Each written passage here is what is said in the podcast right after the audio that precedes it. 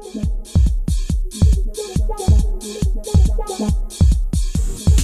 time to kick ass and chew bubble gum. Yes, we, we would like to, um, to have a meet you with a tower.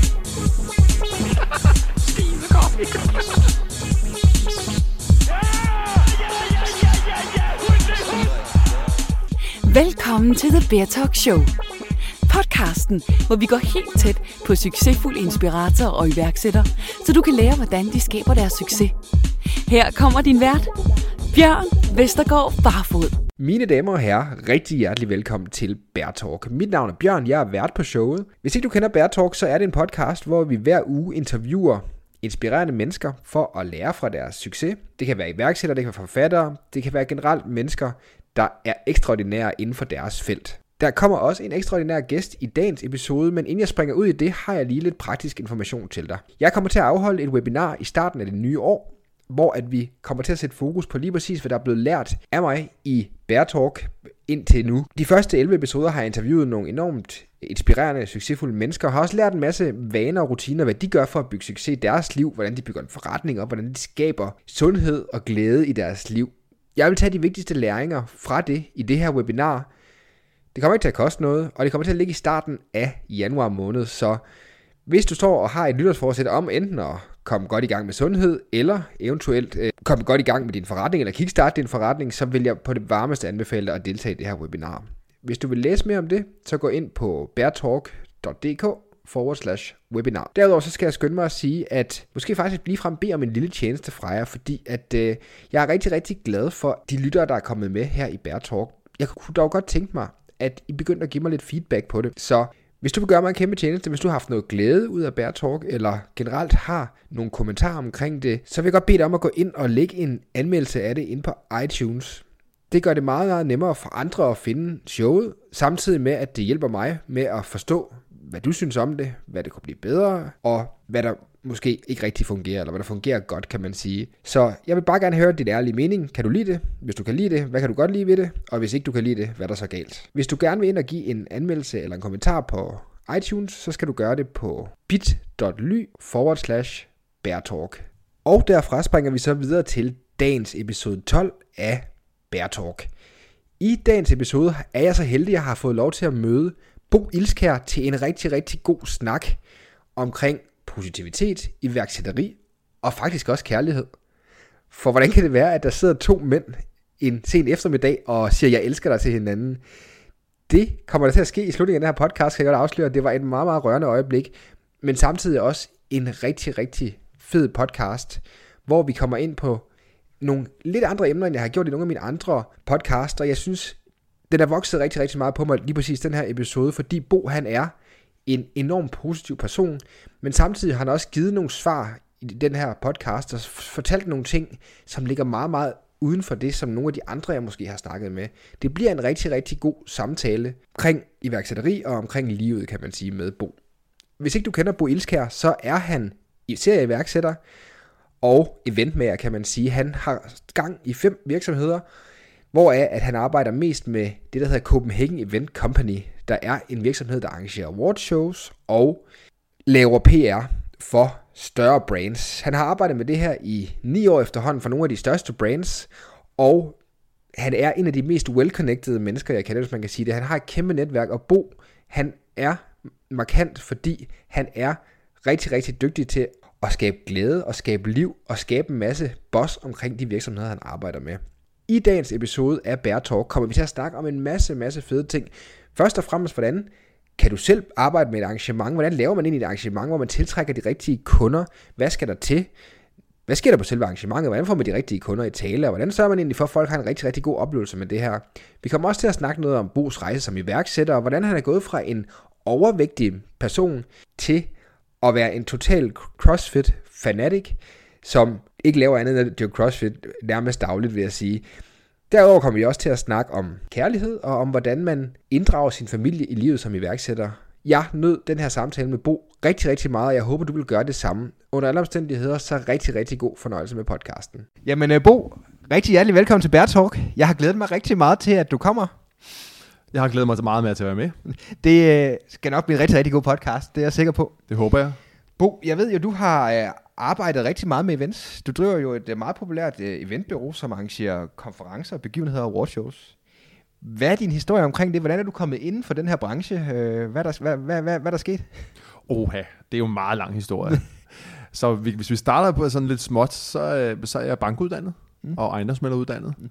Og da jeg blev ejendomsmælderuddannet, som stadig er min hobby, vil jeg sige mm. ejendom, jeg kan virkelig godt lide ejendom, så var der ikke ret godt meget salg i ejendom. Der var kartoffelkur, og man kunne ikke konvertere lån om, som man kunne i dag, og alt det, så hele markedet var dødt. Og jeg er den fødte sælger. Jeg elsker at være sælger. Så øh, det var, det var ret øh, dødssygt. Man skulle sidde og vælge på, at der kom nogen ind og sagde, at de gerne ville købe en ejendom. Man kunne ikke rigtig hive folk på gaden. Så jeg tænkte, ja, hvad gør vi så?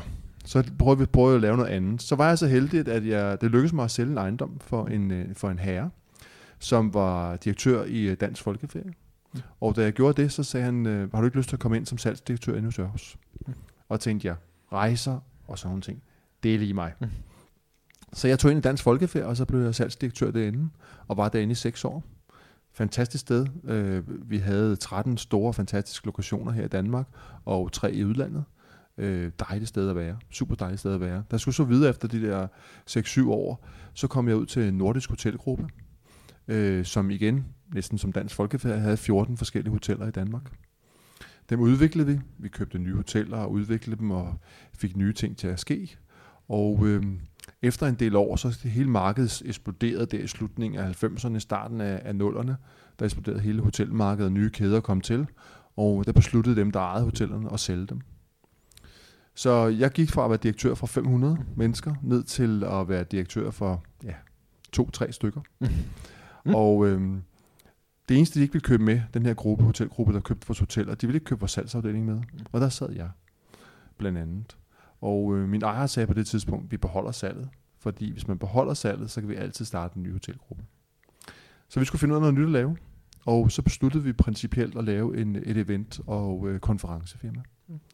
Og det startede vi op, øh, i hvert fald rigtigt på, på, på opgør i, der i, i 00'erne, og vi kørte helt vildt opad. Så da jeg stoppede det i 2006, var vi 50 mand, og vi lavede konferencer både ind- og udland. Så vi var det største bureau, det havde vi opbygget på meget få år. Så gik jeg over og blev marketings øh, mand i et, i et marketingsfirma, hvor jeg var administrerende direktør i to, to, tre år, to år der. Og øh, det lukkede desværre næsten øh, over fra dag til nat, fordi da finanskrisen kom. Så alle sparede på, øh, på markedsføring og det hele, så vi var 20 mand der, og øh, næste dag havde vi intet at lave. I mellemtiden havde vi faktisk, eller jeg havde faktisk sammen med en, en partner, der hedder Tino Torsø, åbnet det her, der hedder Copenhagen Event Company. Det åbnede vi tre måneder, tre-fire måneder før, at øh, selve øh, marketingsbyrået gik konkurs. Ideen var, at når vi lavede marketing, så skulle vi lægge marketing-eventen over eventbyrået. Det var god øh, synergieffekt, og det hjalp også kunderne. Men øh, sådan blev det ikke. Eventbyrået kom til at fortsætte, og ifølge finanskrisen, der var der, så sad vi og kiggede lidt på hinanden, øh, Tino og mig, og sagde, skal vi, øh, skal vi lukke det her? Eller skal vi, øh, skal vi bare prøve at se, om vi kan lave noget nyt og fortsætte? Så vi fortsatte, og så besluttede vi os for egentlig, at vi prøve at lave en masse in-house. Derfor har vi i dag alle de her awardshows. Vi har cykling hver tirsdag med 300 mand rundt omkring her i Storkøbenhavn. Vi har en stor motor award øh, over i Herning, hvor der kommer over 30.000 mennesker. Så vi har en masse ting, der er vores egne. Og selvfølgelig stadigvæk laver vi en masse for kunder. Så branchen er spændende, og når man er inde i den, så er, så er hver dag nyt og nyt spændende. Man ved aldrig, når telefonen ringer, om hvad for en kunde det er. Om de skal de have et møde til to, eller skal de have et møde til flere tusind? Skal de have et nyt produkt ind i Skandinavien? Eller skal de have lavet noget markedsføring og sådan nogle ting? Øh, vi har igennem årene gjort meget for at udvikle os, så vi ikke bare står i stampe. Det vil sige, at vi følger trenden, og vi følger den kultur, der ligger hele tiden i marketingsting. Så vi kan meget mere i dag, end bare et ganske almindeligt øh, eventbureau eller konferencebureau. Vi kan rigtig meget. Det, øh, det lyder som noget af en rejse, vil jeg sige, Bo, og øh, man kan sige, at, at, at, at alene det her med, at I står med, med jeres øh, eventkompani her efter øh, finanskrisen og vælger at køre videre med det og så videre, er jo vildt imponerende. Man kan sige, at I har taget øh, den, den læring, du fik fra, da du drev, kan man sige, øh, hotellerne frem, og så Hvilken læring er det, du har taget med derfra, som du kunne bruge i, din, øh, i dit øh, hvad kan man sige, arbejde med at så skabe øh, et rigtig godt øh, eventbureau? Det er nok kundetækket, altså kundeservicen. Jeg synes, vi ligger meget op på, at vi er et øh, servicesamfund øh, i Danmark. Og når vi så kigger udefra ind, så er vi det bestemt ikke. Jeg tror, vi alle sammen har den fornemmelse, når vi går på restaurant, at vi næsten skal sidde og råbe efter tjeneren, for han kommer hen med en kop kaffe. Øh, hvis vi kører med en taxa, så skal vi selv stige ind i taxaen. Vi skal næsten også fortælle, hvad vejen vi skal med taxaen og sådan nogle ting. Så vi er i hvert fald i et vestligt samfund ikke ret god til service. Vi er ikke ret gode til at yde service over for andre. Nogle mennesker, tror jeg, føler, at det er nedvurderende eller nedværdigende at skyde service over for andre. Man har ikke den samme mentalitet, øh, måde at være på, som man for eksempel er i USA, hvor det er nødvendigt at yde service for at få drikkepenge, for at kunne leve af det, eller hvis man går til Asien, jamen så er det et folkefærd, der er vant til at yde service. Så jeg synes, mentaliteten, jeg har taget med over for alle mine jobsag principielt herover i, det er at give kunden en oplevelse. Give kundens gæster eller deltagere en oplevelse, og sørge for at yde det ekstraordinære service, som folk ikke forventer. Det giver en god øh, en god feedback øh, fra, fra kundens øh, gæster, men også fra kunden selv. Så det har jeg altid taget med. Så vil jeg så også sige, så er jeg altid med ude på vores egne events. Uanset mm. om det er små eller store, så er jeg altid med ude. Det føler mange kunder en tryghed, at den, man har talt med, er med ude på eventsene. Så der er jeg også med ude. Ja. Og det er sjovt, du nævner lige præcis det her med serviceniveauet, fordi at, at det er jo lige præcis noget af det, som jeg kan huske, Uffe Holm har ikke for så lang tid siden lige præcis kørt kør kampagne for det, og du ved, hvis man har været meget i USA, som jeg også selv personligt har været, det er jo en helt anden, helt anden game, de er i her, og det, det, det må man sige, der, der efter min bedste overbevisning er danskerne noget efter på det, kan man sige. Hvad tror du, vi kan gøre som samfund for, at vi bliver mere imødekommende over for gæster? Man kan sige, at i sidste ende er det jo noget, vi skal leve af. Det tror jeg aldrig, vi bliver. Vi er ikke tvunget til det i Danmark. Mm. Så jeg tror aldrig, vi bliver det. Altså, der er lavet forskellige undersøgelser om, at vi er det lykkeligste folkefærd. Om vi er så nummer et eller to, det er principielt lige meget, hvordan man laver de her målinger. Men, og det viser jo også gang på gang, at vi er rigtig venlige og kærlige og hjælpsomme over for de mennesker, vi kender. Mm. Men for de mennesker, vi ikke kender, der kan vi godt være lidt tilbageholdende, eller være lidt nervøse for, om de her mennesker vil noget, eller nogle andre ting. Jeg tror, den mentalitet kan man ikke tage væk fra os. Det er vores folkefærd. Vi er ikke, vi er ikke forpligtet, og vi er heller ikke øh, tvunget til at yde service. Vi gør det, hvis vi har lyst til det, og de færreste yder den bedste service, synes jeg. Man kan blive helt overrasket nogle steder, når man kommer ind, når man får en god service. Og så synes jeg, at man skal sørge for, at hvis man har fået en god service, uanset om det så i iskiosken, hos tjeneren eller hos taxichaufføren, sørge for at rose de mennesker, eller fortælle dem, at den her service var var fantastisk god. Jeg ved godt, at man måske tror, det forventer man bare. Mm. Men hvis man også en gang imellem kan være god til at komme med komplimenterne, eller fortælle folk, at de gør et godt stykke arbejde, det tror jeg også, vi kunne være bedre til. Mm. For komplimenterne i dag, det er ligesom også blevet, at man komplimenterer ikke hinanden. Man siger ikke, at ens tøj er pænt, eller man fortæller ikke, at jeg synes, at arbejdet er godt og sådan ting. Det synes jeg også, man kunne blive langt, langt bedre til. Mm. At give komplimenter. Ja, Ja, det er rigtigt, og det ligger jo lidt væk fra vores kultur i det hele taget, det her. Det er, det er virkelig noget, øh, og det kan jeg også, må jeg også sige i mig selv et par gange, hvor jeg har modtaget den her gode kundeservice, at jeg ikke har fået sagt tak til den person, der har gjort det. Og det kan selvfølgelig være med til at skabe en kulturændring, at man i det hele taget bare gør folk opmærksomme på at give dem en god grund til, kan man sige, at være, øh, at være service-minded, kan man sige. Jo, men man kommer jo meget langt med venlighed. Mm. Så synes jeg, at man, man bør måske også tage sine venlige ting på.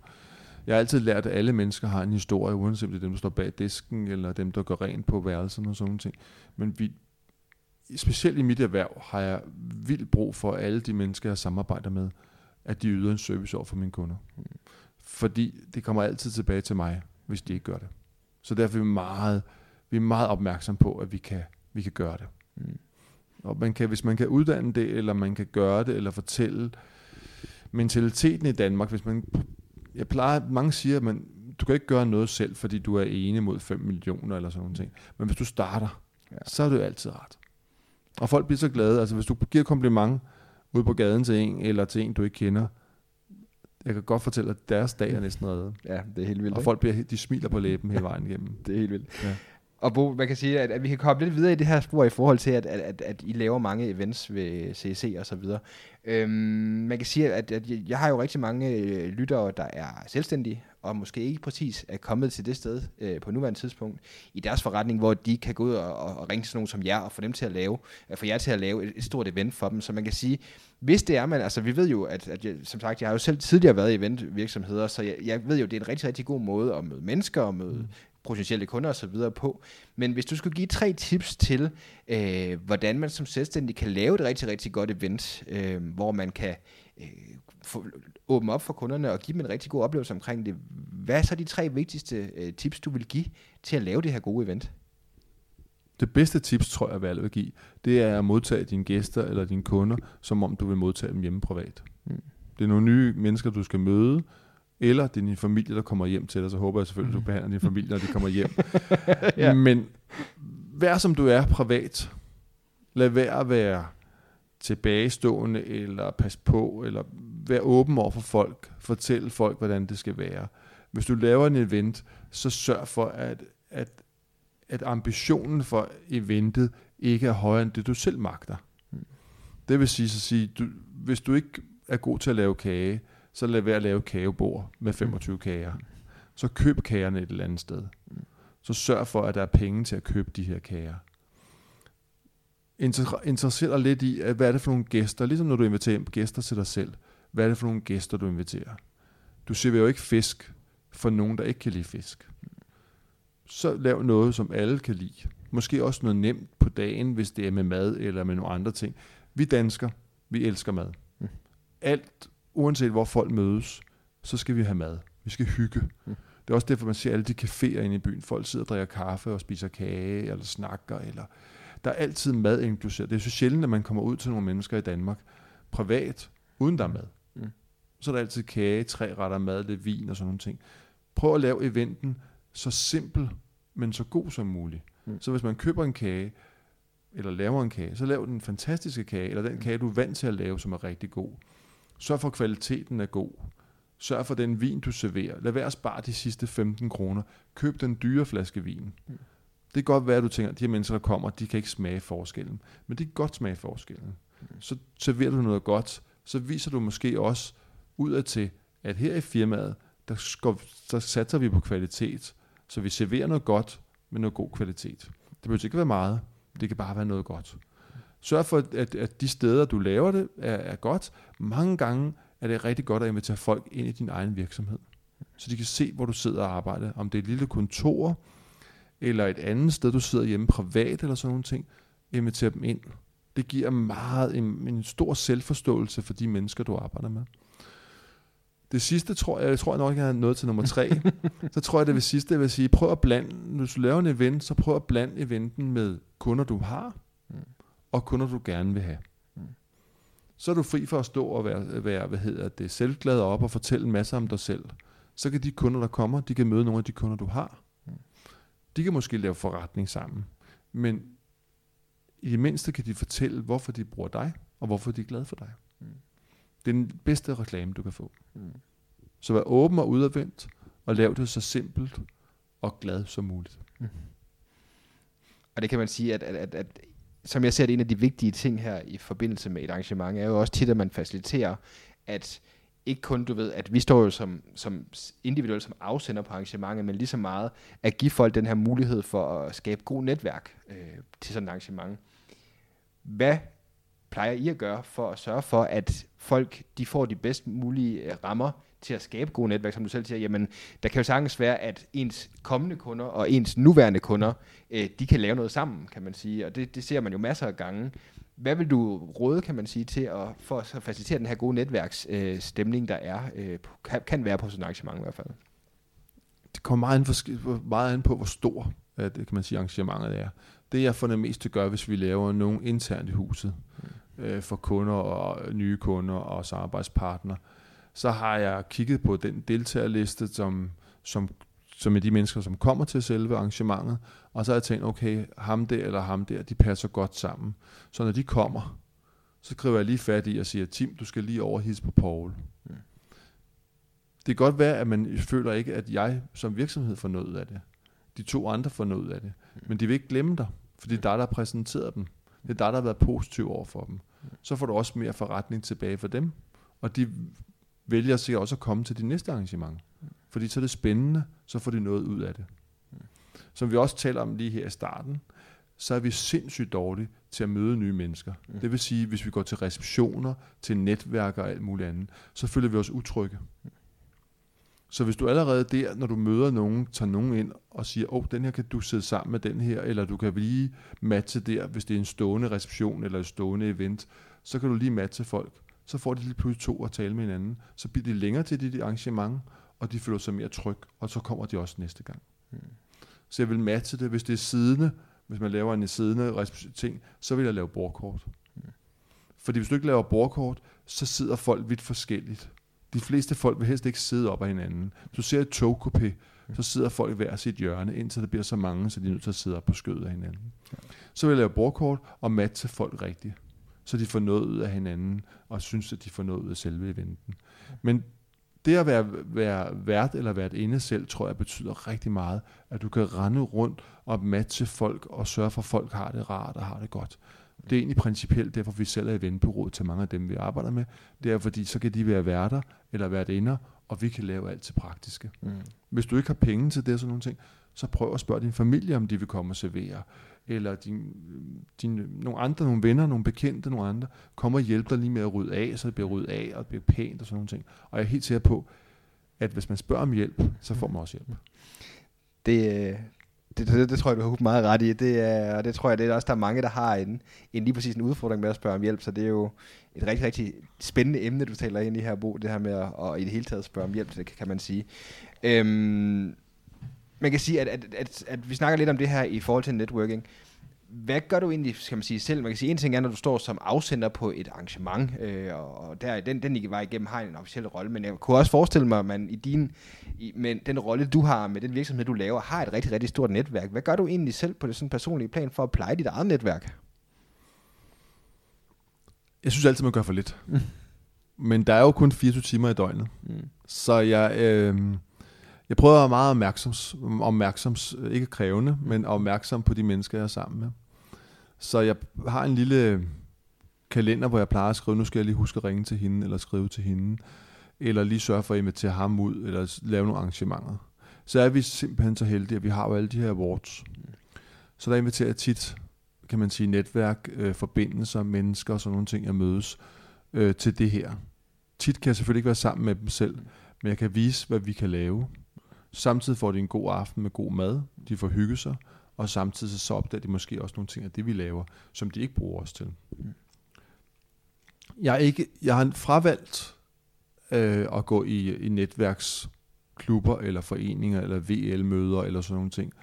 Fordi at jeg, det kan lyde måske lidt egoistisk, jeg synes ikke, jeg får nok ud af det selv. Og nogle gange synes jeg, at jeg selv skal drive netværket. Det er ligesom mig, de alle sammen kigger over på ham, der eventmanden. Mm. Han kan være sjov, eller han kan sidde og sige nogle ting, eller han kan ligesom være. Men så føler jeg næsten ligesom om, at det er på arbejde. Mm. Så jeg synes, hvis man er et netværk, så skal man også bidrage. Mm. Mange mennesker melder sig ind i et netværk, og så melder de sig måske ud et år eller to år efter. Fordi de ikke synes, de får nok ud af det. Mm. Men jeg vil næsten tro, for de fleste mennesker er det deres egen skyld fordi de ikke bruger tiden på netværket. Mange kommer hasterende, eller løbende ind på netværksmødet, eller ikke tænkt på, at de skulle ned til netværk, eller de sletter det fra kalenderen, fordi de har arbejdsopgaver liggende og sådan nogle ting. Så folk prioriterer det ikke. Mm. Så hvis man melder til et netværk, så skal man vide, at man også er nødt til at give noget selv. Mm.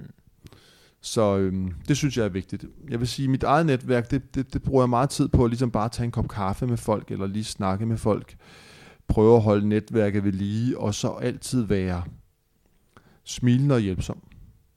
Øh, det tror jeg er rigtig vigtigt.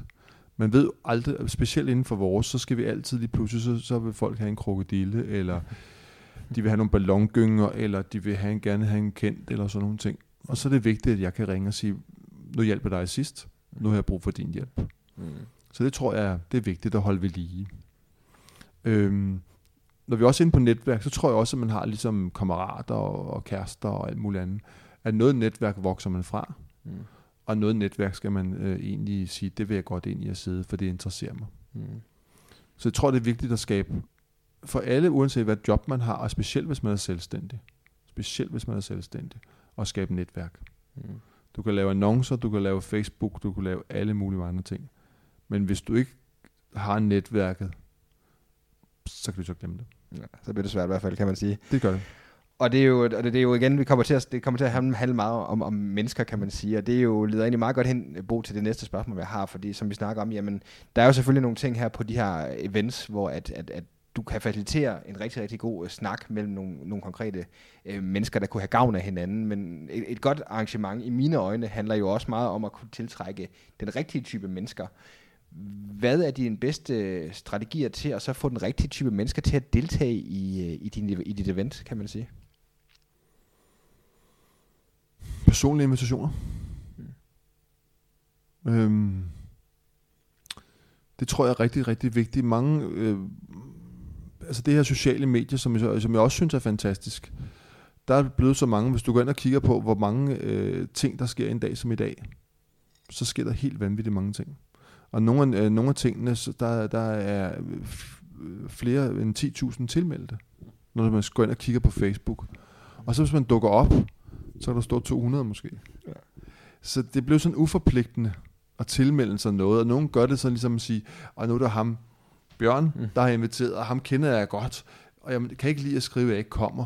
Så jeg skriver måske, de har det der flygtige på de sociale ting, hvor der hedder, står interesseret. Mm. Så kan man skrive interesseret. Fordi du kan godt være til at være interesseret, men det kan godt være, at du ikke kommer alligevel. Så jeg synes, hvis man, hvis man laver det her, så skal man lave dem personligt. Lave nogle personlige interview, hvor man, eller nogle personlige indbydelser, hvor man skriver, kære Karl, jeg ønsker, du kommer til det her, fordi jeg, din ekspertise er rigtig god. På dagen har jeg også nogle andre øh, i min netværk, der kommer, hvor I kunne arbejde sammen. Det vil jeg gøre. Mm. Det tror jeg, at det får folk til at komme. Eller også så vil jeg ringe. Og ringe til nogen, det er også virkelig stærkt. Og ringe, hej, jeg har det her. Det handler om det her, det her. Det tror jeg virkelig, du kunne være interesseret i. Det vil glæde mig rigtig meget, at du kom. Så hvis folk har sagt ja på telefonen, så har de sindssygt svært ved at ikke komme. Fordi så føler de sig forpligtet. Og mange føler sig også, kan man sige, på en eller anden måde, føler sig op på en pedestal, fordi de har fået en personlig invitation, frem for at de bare får en masse, der ligger. Øh, det, det tror jeg ikke på i dag. Jeg talte med, øh, jeg var ude forleden dag til, et, øh, til en koncert, og der talte jeg med en herre.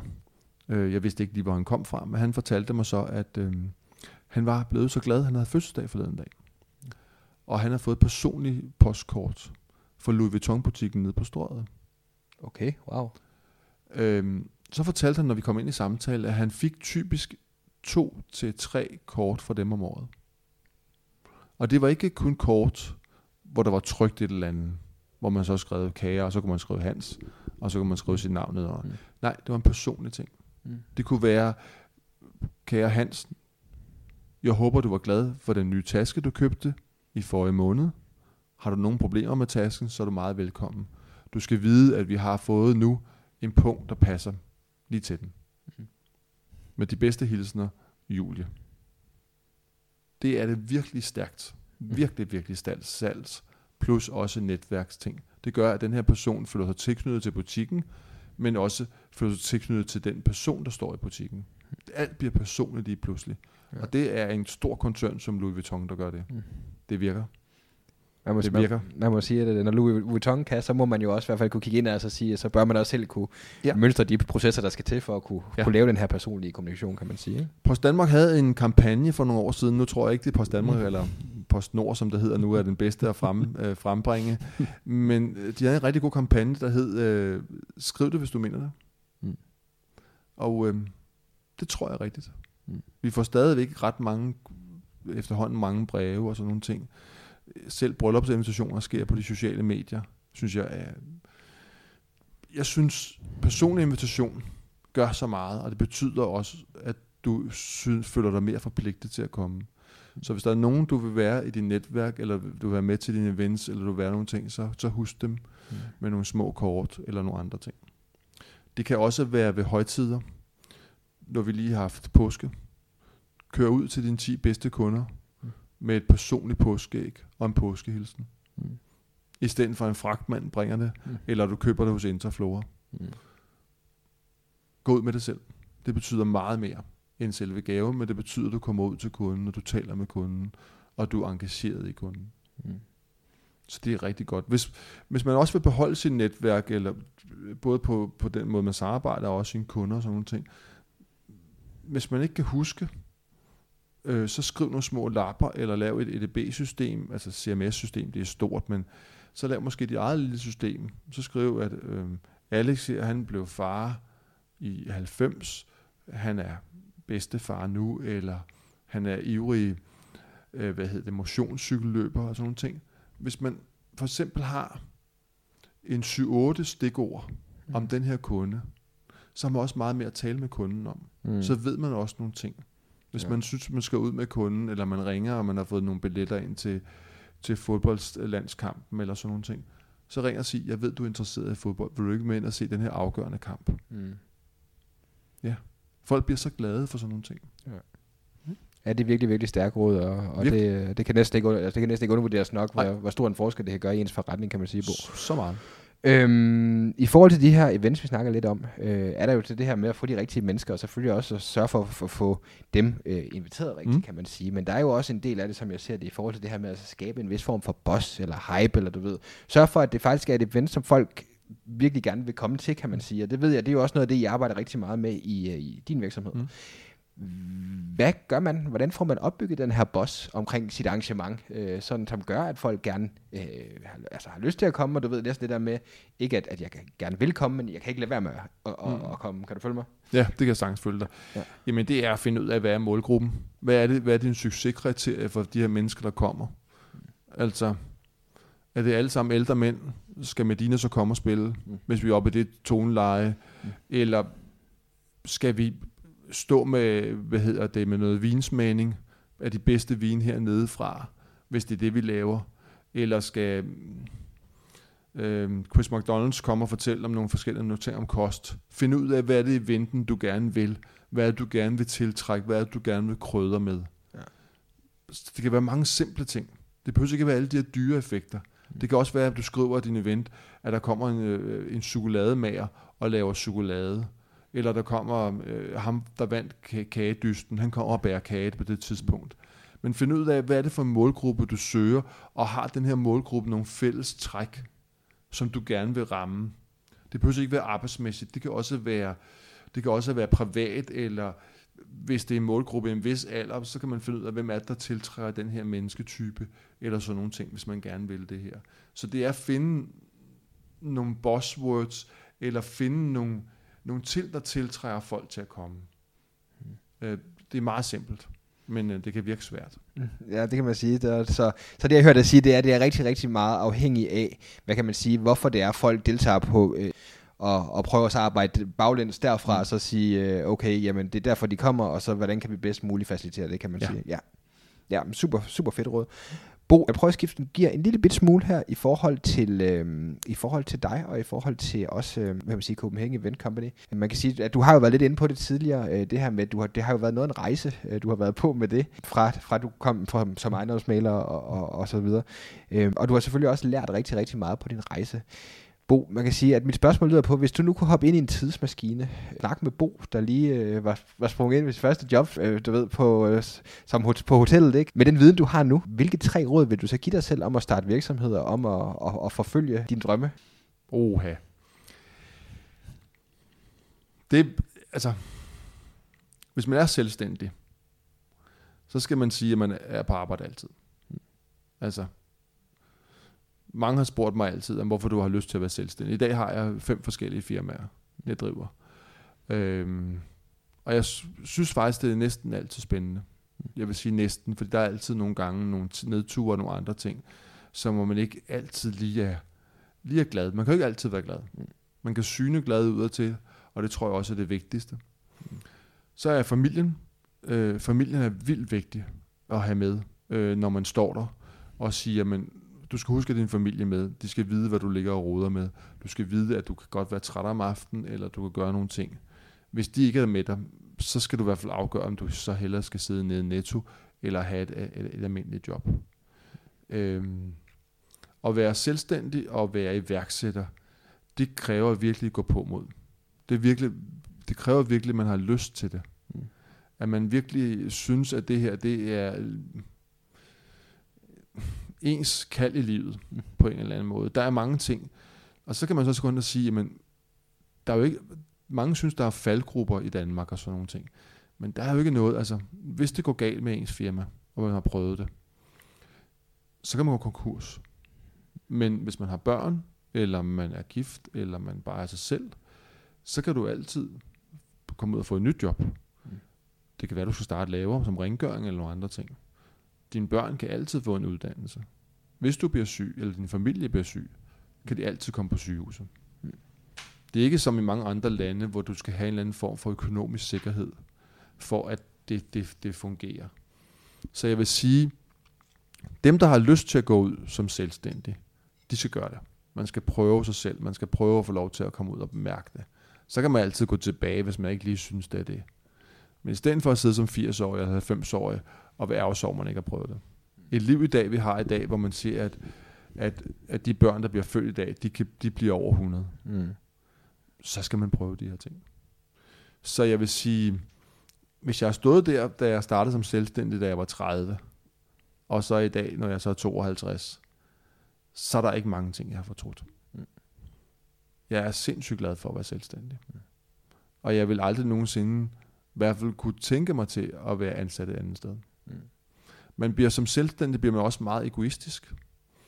Øh, på den måde, at man er vant til at træffe sine egne beslutninger. Det kan også være hårdt, hvis man hele tiden gerne vil have råd eller sådan noget ting. Men du træffer jo selv din beslutning, om du kører højre og venstre.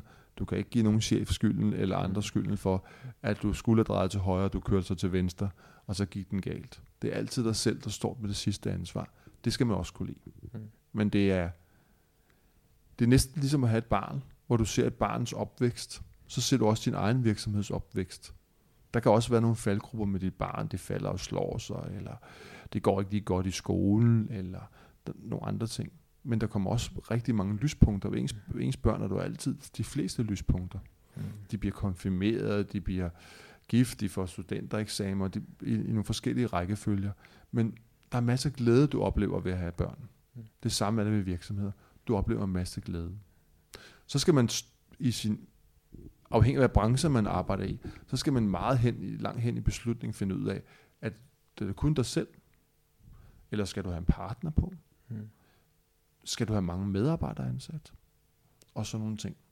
Og så skal man gøre op med sig selv, hvis man har en partner, så plejer jeg altid at sige, så vælg en partner, som ikke ligner dig selv. Mm. De fleste vælger en partner, der ligner en selv. Det gavner ikke en, for det meste. Det gavner en, man kan jo altid blive enig. Mm. Men hvis man er, er forskellig, så har man også forskellige markeder at angribe. Mm. Man har forskellige måder at tænke tingene på. Man kan godt blive uvenner, helst ikke uvenner, man kan bare blive uenige og diskutere tingene, og så finde løsningerne. Men din partner er der også til at støtte dig. Det vil sige, når du på et tidspunkt enten er syg, eller har brug for lidt ferie, eller nogle ting, jamen så tager din partner over. Og så hjælper man der, så man er ikke helt alene. Mm. Og så kan man også udvikle, udveksle erfaringer og sådan nogle ting. Jeg anbefaler altid, at hvis man finder en partner, måske som er ældre end dig, eller yngre end dig, afhængig af hvad, hvad alder du er i selv. Find en måske, som ikke har den her brancheerfaring, du har, men noget erfaring for nogle andre, der ligger op til.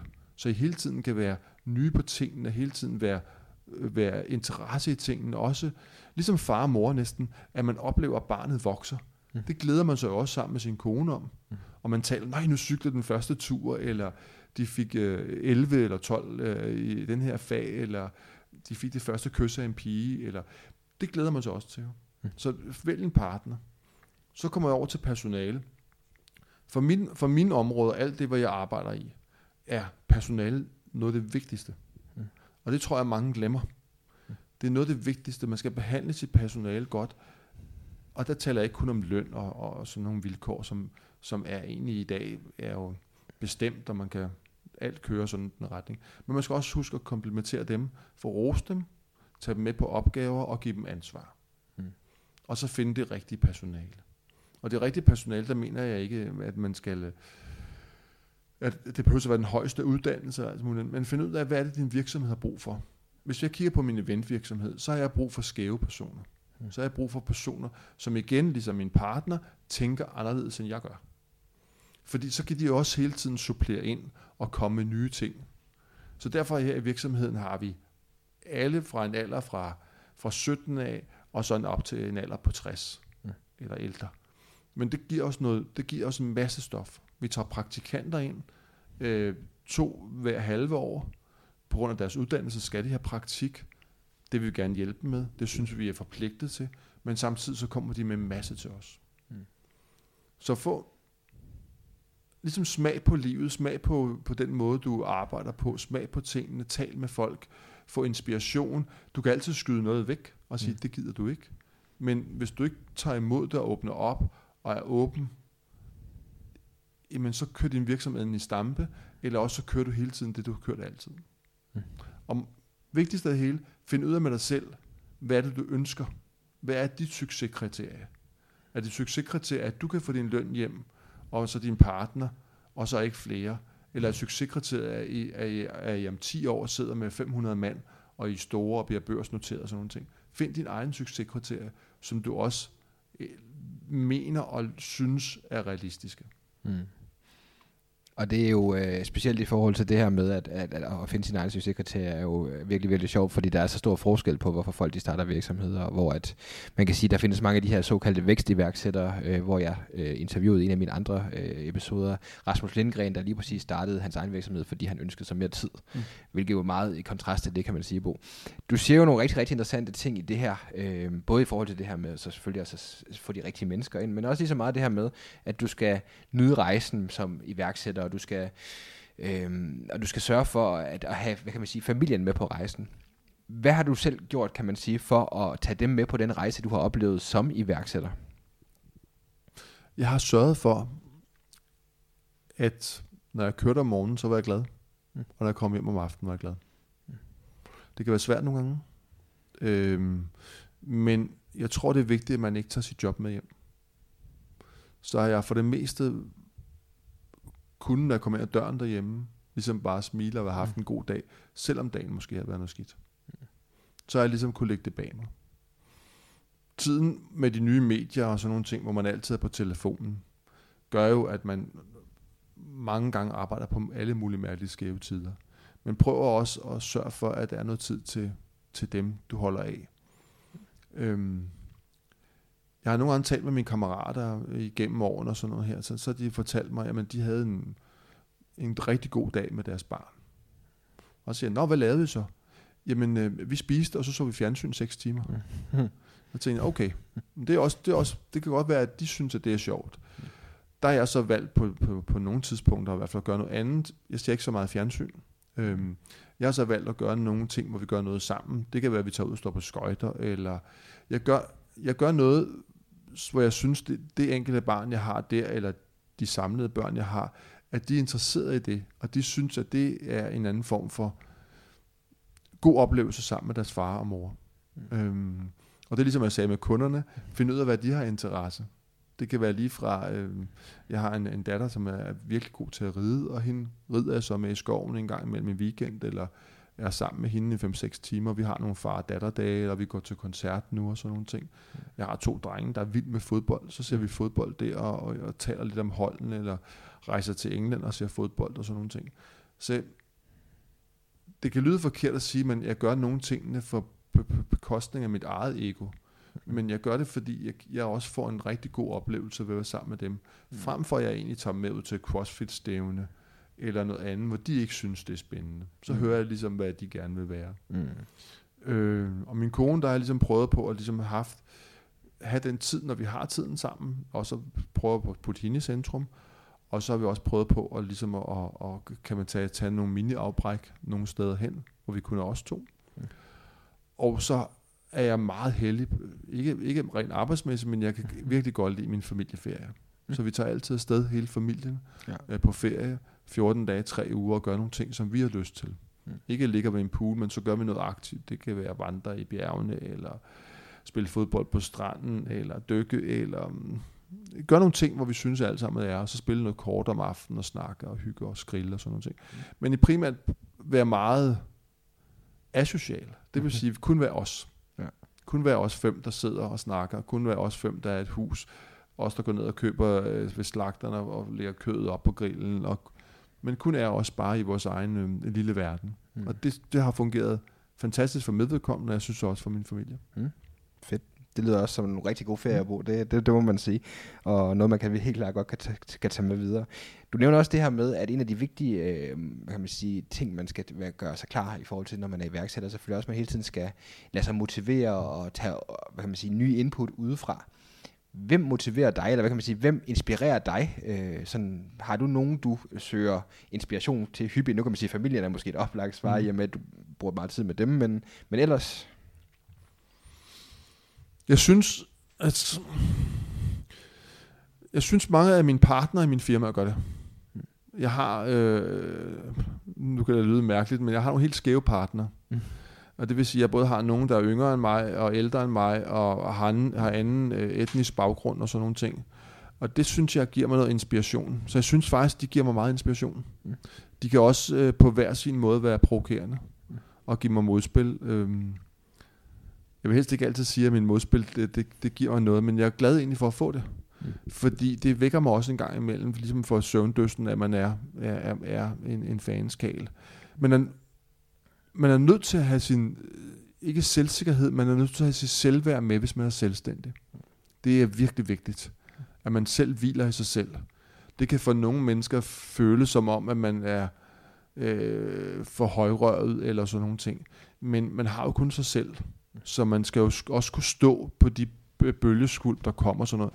Det hjælper ikke som iværksætter eller som entreprenør og, og allerede falde første gang, det bølgen kommer. Det er ligesom at lave en dige eller en dæmning, der falder lige snart den første bølge kommer. Det går ikke. Men det, det er godt at have...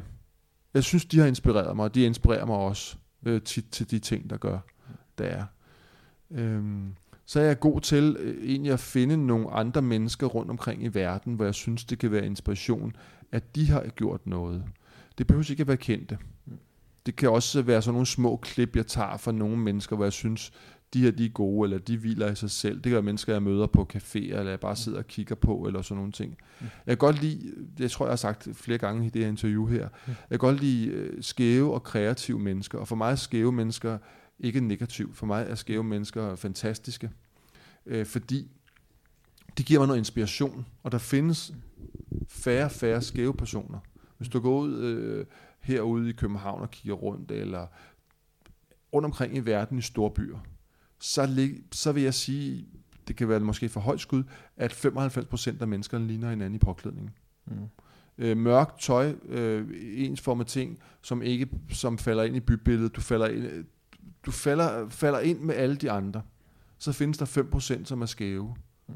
Og dem er dem, jeg kigger på. Om de så har besluttet sig for at lave en juicevogn et eller andet sted, hvor det går helt amok med fantastiske jordbær og god service og altid, så synes jeg, det er skævt. Jeg får min morgenkaffe hernede på den lokale kaffebix. Ikke på en ikke på en af de her fantastiske øh, Starbucks eller alle mulige andre steder. Men jeg får fra en lokal en hernede. Han har skabt sit eget miljø nede i, i sin kælder, og det vælter ind med mennesker med, med god kaffe og kærlighed, og man får lige en morgensnak. Han kan huske alle mennesker, der kommer ind med kaffe, de skal have sådan noget. Mm. Og det gør jeg hver morgen, køber kaffe. Mm. Og jeg får også inspiration af dem dernede, fordi de gør sit job, og de står og smiler og, og har det sjovt, og kan huske, hvad man skal have og alt det der.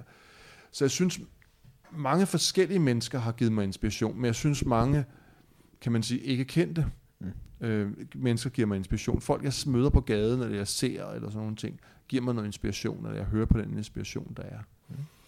Øh, jeg er ikke så inspireret af alle de her forskellige øh, coaches og alle andre mennesker, som jeg har mødt på vejen. Jeg synes, jeg synes for mit eget vedkommende, det- kan være fantastisk for en masse mennesker, men jeg synes for mit eget vedkommende virker det sådan øh, salgsmæssigt, at folk skal købe en masse ting og betale en masse ting for dem, ja. for at høre, at de er, er fantastiske.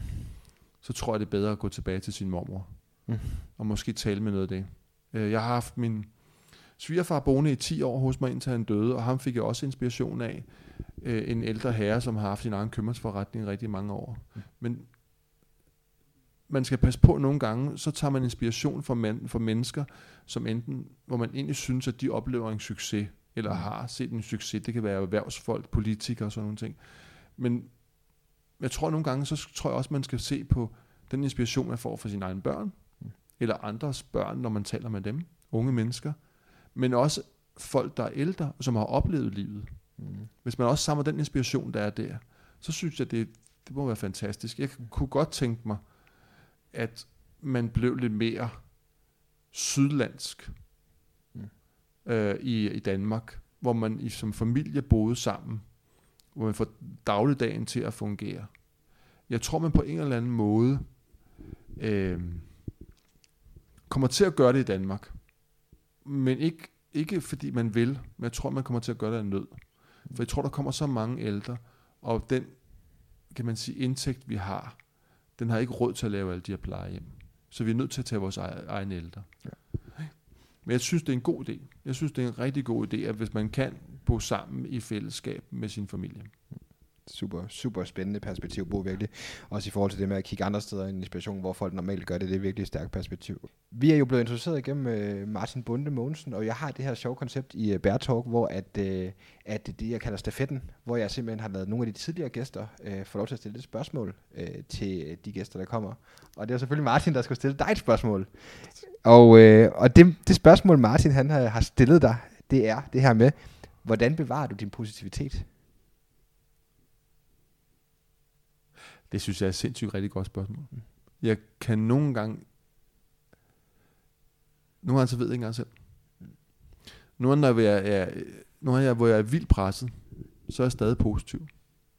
Og jeg tror, at nogle gange folk tror bare, at jeg er lalleglad. Men altså, det, hvis jeg kan bruge det motto, at man smiler til verden, så smiler den tilbage til dig. Du kommer sindssygt langt ved at smile til folk.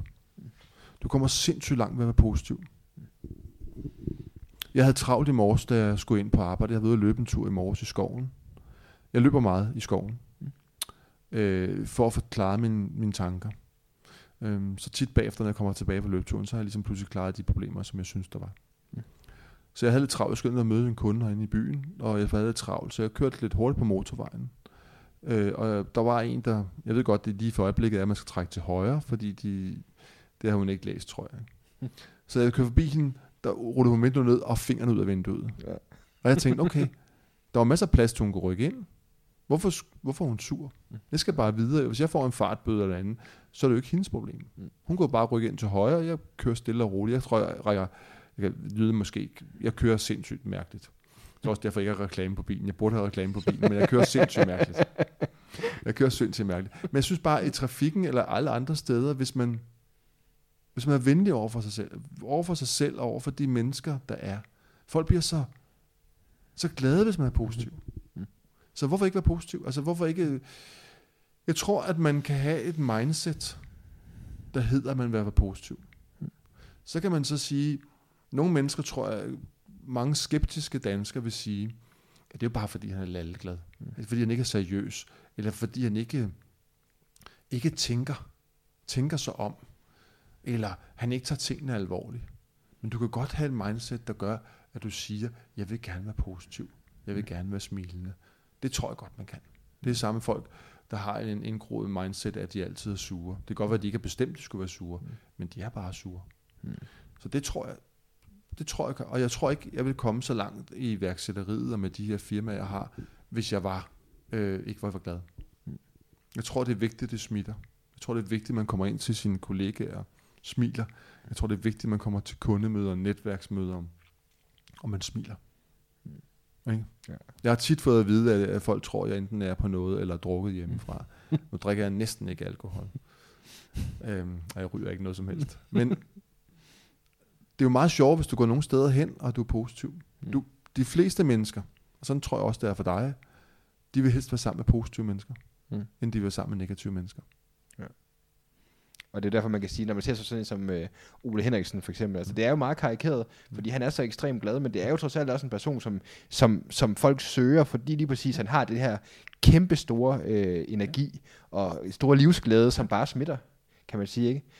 Og Bo, det, det, det leder måske lidt over til en et andet spørgsmål, som jeg også har, fordi som, som jeg også har fortalt i introen, er du jo kendt som lidt af en energibombe. Så en positiv energibombe, kan man sige. Hvad, hvad gør du øh, i dit eget liv for at opretholde det her gode energiniveau? Jeg har været tyk engang. da jeg var helt ung, og før jeg mødte min kone, der vejede jeg 140 kilo.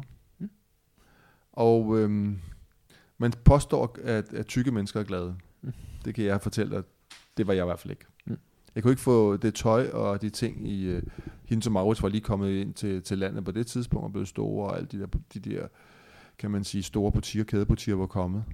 Og øhm, jeg synes ikke, jeg synes ikke, det var sjovt at skulle ind i en stor herreforretning for at få tøj til mig selv. Så jeg besluttede mig for at dyrke noget idræt. Jeg kan godt lide mad. Så man skal enten, øh, hvad man siger, man skal lukke kæften og lidt røven. Men jeg besluttede, at jeg vil, gøre, jeg vil gerne åbne kæften, og jeg vil også godt lidt røven. Så jeg har lavet rigtig meget motion. Øhm, og så har jeg prøvet at finde nogle, nogle sportsgrene, øh, primært individuelle sportsgrene, fordi jeg synes, ikke fordi jeg ikke var social sportsmæssigt, men hvis jeg skal melde fra til alle fodboldkampe, eller håndboldkampe, eller basketballkampe, fordi jeg skal arbejde, så kan jeg aldrig være del af et hold. Så jeg har altid valgt øh, individuelle sportsting. Så i dag, så dykker jeg løb. Øh, vi laver noget, der hedder OCR-løb, noget forhindringsløb. Det laver vi også her i, i firmaet, eventfirmaet, så det laver vi rigtig meget af. Og det synes jeg er spændende selv. Og så laver jeg CrossFit. Og øh, CrossFitten for mig gør, at jeg bliver velholdt på min krop. Jeg får vanvittigt meget energi. Øh, jeg får et, et fællesskab med de her mennesker, som står oppe i CrossFitten. Så når de tager CrossFit-tøj på, så kan jeg ikke se, om det er rengøringsassistenten eller administrerende direktør for Norge Nordisk. Mm. Øhm, og jeg, det er så hårdt for mig, mm. så jeg må tage, jeg må, jeg, det, jeg tænker ikke. Jeg løfter bare kiloene, eller løber, eller laver cardioen, eller laver tingene. Mm. Øhm, samtidig er crossfitten så udfordrende, at der hele tiden er nye ting, man skal lave. Der, man, kan ikke, man kan godt blive god til en ting, mm. men så kommer der nye ting. Mm. Og de udvikler hele tiden nye ting, og, og man prøver nye ting og sådan nogle ting. Og det inspirerer mig helt vildt. Mm. Men det, der inspirerer mig, det er, at mest bedst er, at jeg ikke skal tænke så meget, og at jeg holder min krop ved lige. Mm. Og så kan man sige, at det er så vigtigt. Jeg synes, det er vigtigt, når jeg skal ud og sælge. Mm. At jeg har den her, som jeg også sagde før, den her selvværd med mig. Mm. Og den har jeg bedst, hvis jeg føler, at jeg er har selvværd med min krop. Mm. Så det, den energibomber, det selvværd, gør jeg ved det. Så det vil sige, at jeg dyrker, jeg dyrker 5 til 5 til 7 gange om ugen crossfit. Ja. Og det vil sige omkring 10 til 15 timer om ugen dyrker jeg det. Ja. Så det er også noget, der får dig, kan man sige, det, det, det må da give noget energi. ja, mange vil sige, at det tapper energi, mm. fordi man skal bruge noget på at lave noget motion. Men de fleste af folk, der, der, der laver motion, de ved, at når man laver motion, så får man energi tilbage. Mm. Så det er kun de første 14 dage, måned eller halvanden, man er færdig, så begynder mm. energien at komme tilbage til kroppen. Ja. Det er også, øh, det er også fin bog. Det er helt klart, øh, og også, jeg kunne forestille mig, at også lige præcis fordi, at du gør det så meget, og det er så meget udvikling i det, at det ikke bliver ensformigt, som andre idrætsgrene ville kunne gøre, øh, du ved, når man, når man tager dem meget. Bo, jeg har øh, et par enkelte spørgsmål tilbage i forhold til dig, kan man sige. øh, hvor vi kommer lidt mere ind på dig som person. Jeg skal høre sådan, det første spørgsmål, jeg har, det er, hvilken bog har du givet mest til andre? Hvis du giver bøger til andre. Jeg giver faktisk bøger, men jeg tror ikke, jeg kan finde en bog, jeg har givet to eller tre gange til nogen. Øh, ligesom jeg også sagde i starten af interviewet, så tror jeg, det er vigtigt at finde ud af, jeg går, jeg går vanvittigt meget op i gaver, det lyder helt vanvittigt mærkeligt, men det gør jeg. Jeg går vanvittigt op i, meget op i de gaver, jeg selv får, det lyder helt mærkeligt og egoistisk. Jeg gider ikke at få tre flasker rødvin. Så må folk hellere skrive kort og skrive noget pænt om mig, eller også lade være at skrive noget. Mm. Jeg går selv ud og vælger, så hvis jeg skal give en bog, så tager jeg udgangspunkt i, i den person, jeg skal aflevere bogen til, dens liv. Mm. Eller nogle af dens interesser. Altså for stærke kvinder. Jeg har mange stærke kvinder rundt omkring mig. Jeg ved ikke hvorfor. De irriterer mig nogle gange, men de kan, jeg kan simpelthen ikke undvære at have dem. Både mit privatliv og arbejdsliv. Mm. Men til dem, der finder jeg måske nogle bøger om stærke kvinder, mm. som har været i historien som jeg synes, de kunne måske lære noget af. Jeg prøver aldrig at være belærende, mm. men man kan altid på sin måde være på den måde, at man finder nogle ting, som folk får noget ud af. Så jeg synes, man skal vælge en bog frem for at bare gå ned og købe en eller anden bog, som man synes står på bestlisten. Så skal man finde en bog, der betyder noget for dem. Så det kan også være, hvis de er vild med kager, så kan det være noget med kager. Eller de er vild med motion, så finde noget, der passer ind til dem. De fleste mennesker har noget. Hvad, øh, hvad, er din, hvad er den bedste bog, du har fået i gave?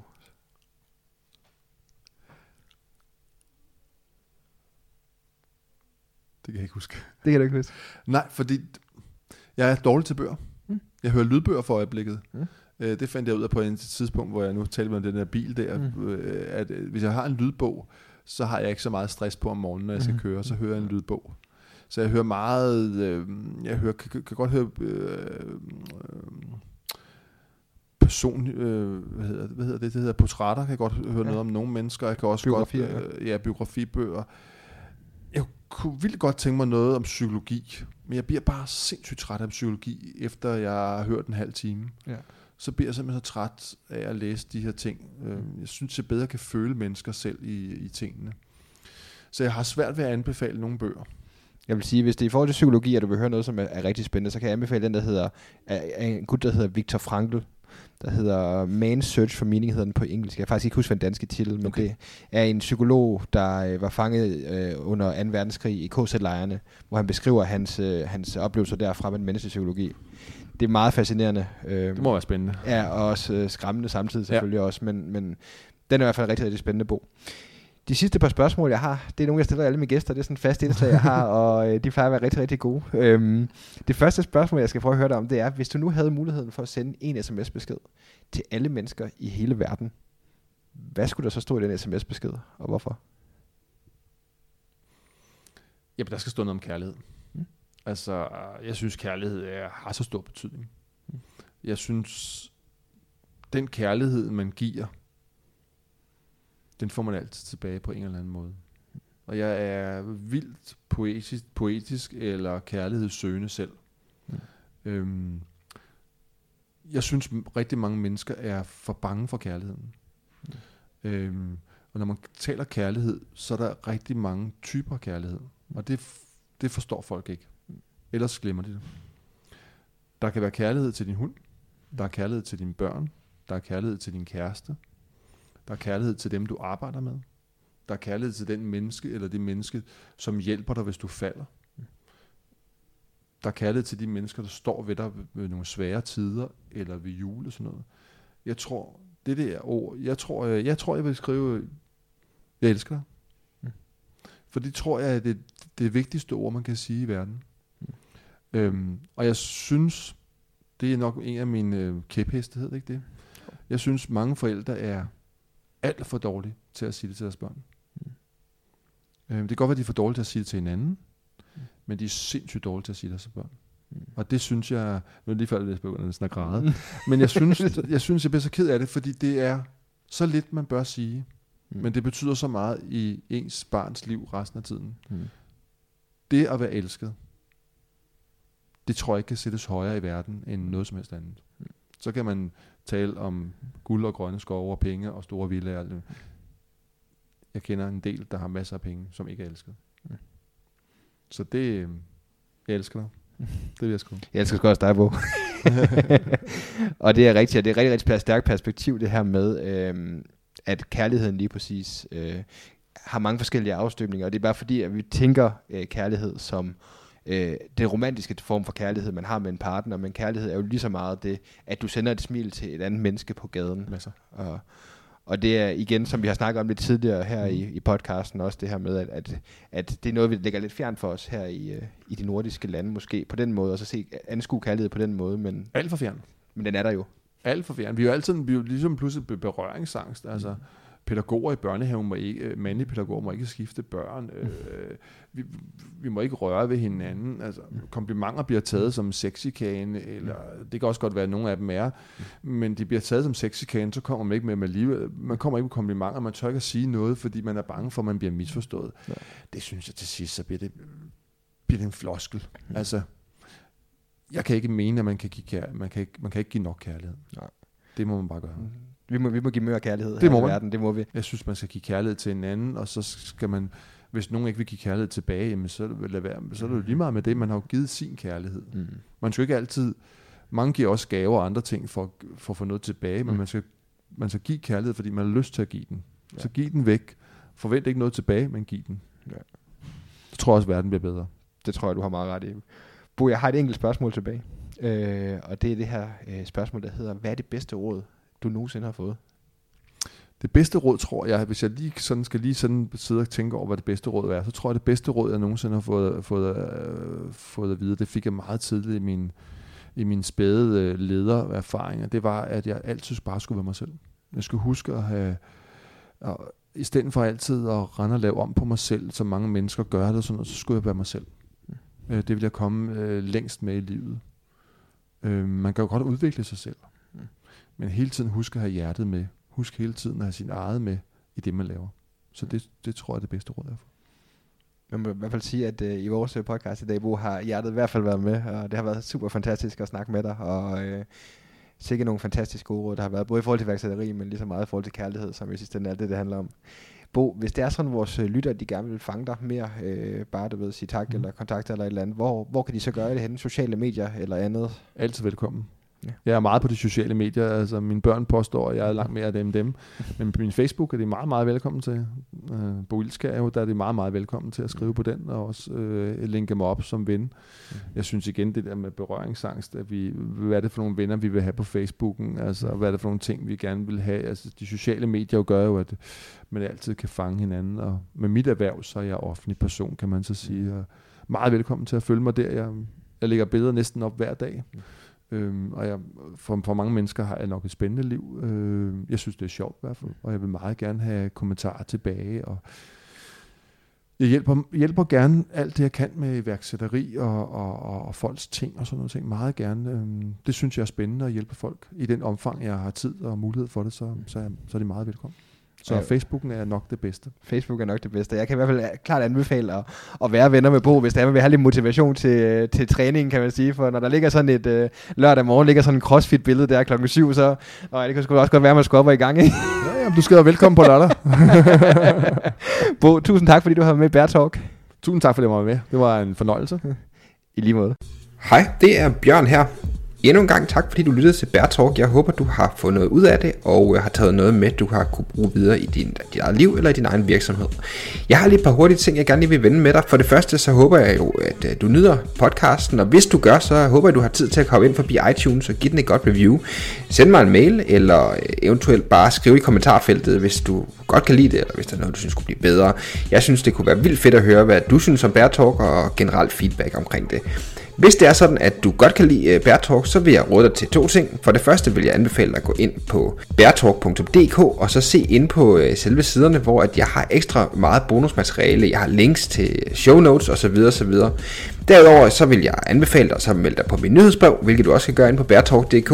Hvis du melder dig på mit nyhedsbrev, så får du besked om, når der kommer nye episoder, ligesom jeg også deler en masse forskellige ekstra bonusmateriale kun med mine øh, nyhedsbrevslæsere. Sidst men ikke mindst, så øh, som en lille ekstra bonusting, så vil jeg anbefale dig så at gå ind på min øh, Facebook-side, der hedder facebook.com forward slash b j o e r n v b hvor at du vil øh, få ekstra bonusmateriale, hvor jeg generelt opdaterer og sender fede øh, quotes og sender links fra de forskellige episoder. Så hvis det er noget, du kan lide, øh, Bærtalk generelt, så synes jeg, at øh, du skal gå ind på de her forskellige ting, og så håber jeg selvfølgelig også bare, at du vil øh, dele det med en ven, der måske kunne have glæde af at lytte til en af mine øh, podcast. Så endnu en gang tak, fordi du lytter med, og øh, vi lyttes ved næste gang.